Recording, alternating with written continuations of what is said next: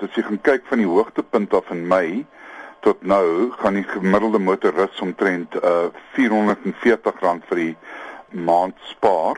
En uh dit is geld wat in sy sak kom. En as jy kyk na die Banks of Africa data wat die medium disposable salary in Suid-Afrika is net onder die 10000 rand. So dit sê vir jou uh, weet dis uh, so 4.5% wat die tipiese ou nou van sy spandering uh, ekstra het. Baie van daai geld gaan in Suid-Afrika bly. Dit is so dat die ander kant die goudprys en die platinumprys ook afgedwing word. Ehm um, veral omdat mense dink die men, uh, die uh, Arabië se state en die Russe gaan nou goud verkoop en die platinum, ons weet nie hoeveel platinum die Russe het nie, kan ook dalk verkoop word, maar op die einde van die dag dink ek vir die gemiddelde verbruiker daar buite, die boer daar buite, die vervoerder daar buite, gaan dit minstens in die kort termyn 'n baie goeie hupstoot vir die ekonomie gee. En ek dink dis een van die redes wat ons sal sien uh dat in Desember die kleinhandelverkope redelik goed was en ek vermoed dat die kleinhandelverkope 'n rukkie langer gaan beter lyk as wat dit andersins sou gelyk het. Betaal ons dis nog al die tyd te veel vir ons olie? Nee, ek dink jy weet die die die situasie in die oliemark het heeltemal gedraai en dit het langer gevat om te draai dink ek as wat dit moes. En ons het nie geweet hoe die hele situasie in Amerika met die skaliegas sou werk dat hulle van 'n groot invoerder na letterlike uitvoerder van energie begin word en terselfdertyd dat daar nuwe velde oral ontwikkel word ensovoorts.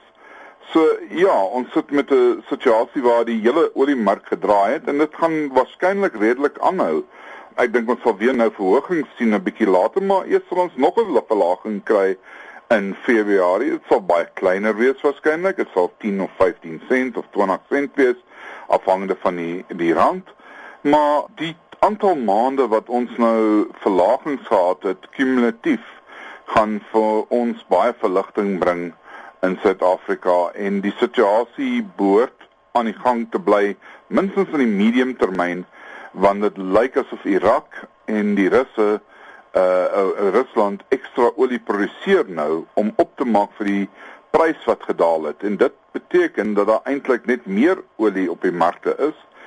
En die oliepryse het intussen tyd weer gedaal van omtrent 60 dollar na onder 57 dollar en mense sien al dat die oliepryse in die vakansietyd so by die 55 dollar amper gedraai het hier by 55 dollar 60 of so. So op die einde van die dag dink ek sit ons in in Suid-Afrika en ander lande wat groot olie invoerders is in 'n baie voordelige posisie. Suid-Afrika sit net natuurlik met die probleem dat ons ook 'n kommoditeitsuitvoerder is en daai kommoditeite van ons uh, goud, platinum, steenkool en yster, die vier grootes, kom ook onder prysdruk en uh, dit is dus vir ons ook natuurlik uh, nie voordelig nie. Maar vir baie verbruikers, ek dink hulle gaan baie bly wees oor hierdie oliepryse wat afgekom het. Ek dink vir baie ander firmas um, in die vervoerbedryf en die landbou in bedrywe soos chemikalieë en verf en al daai tipe van goed, weet ons dat 'n lae olieprys 'n uh, redelike goeie ding gaan wees vir hulle. Maar ja, ons sit as 'n kommuniteitsuitvoerder met 'n effens uh, probleem en dit is dat ons gaan sien dat ons eie pryse ook onder druk gaan kom en dit kan baie negatief wees vir die mynbou sektor natuurlik. Dis met ander half eintlik ek wil nie sê 'n mini geveg nie, maar skaliegas teenoor Brent olie en die ou wat die langste gaan kan uithou, dis die ou wat bo gaan uitkom. Ja, dit dis is 'n mens wat op 'n vlakkig kyk, maar ek dink daar's ook ander gevegte aan die gang. Daar's, jy weet, Irak kan meer produseer. Hulle het die tweede grootste reserve in die wêreld gehad op 'n stadium en uh die feit is hulle produseer nie teen volle nie en die Russe het ook baie hulle produseer nie teen volle nie. Venezuela produseer nie teen volle nie. So weet daar is baie ander kleiner gevegte aan die gang.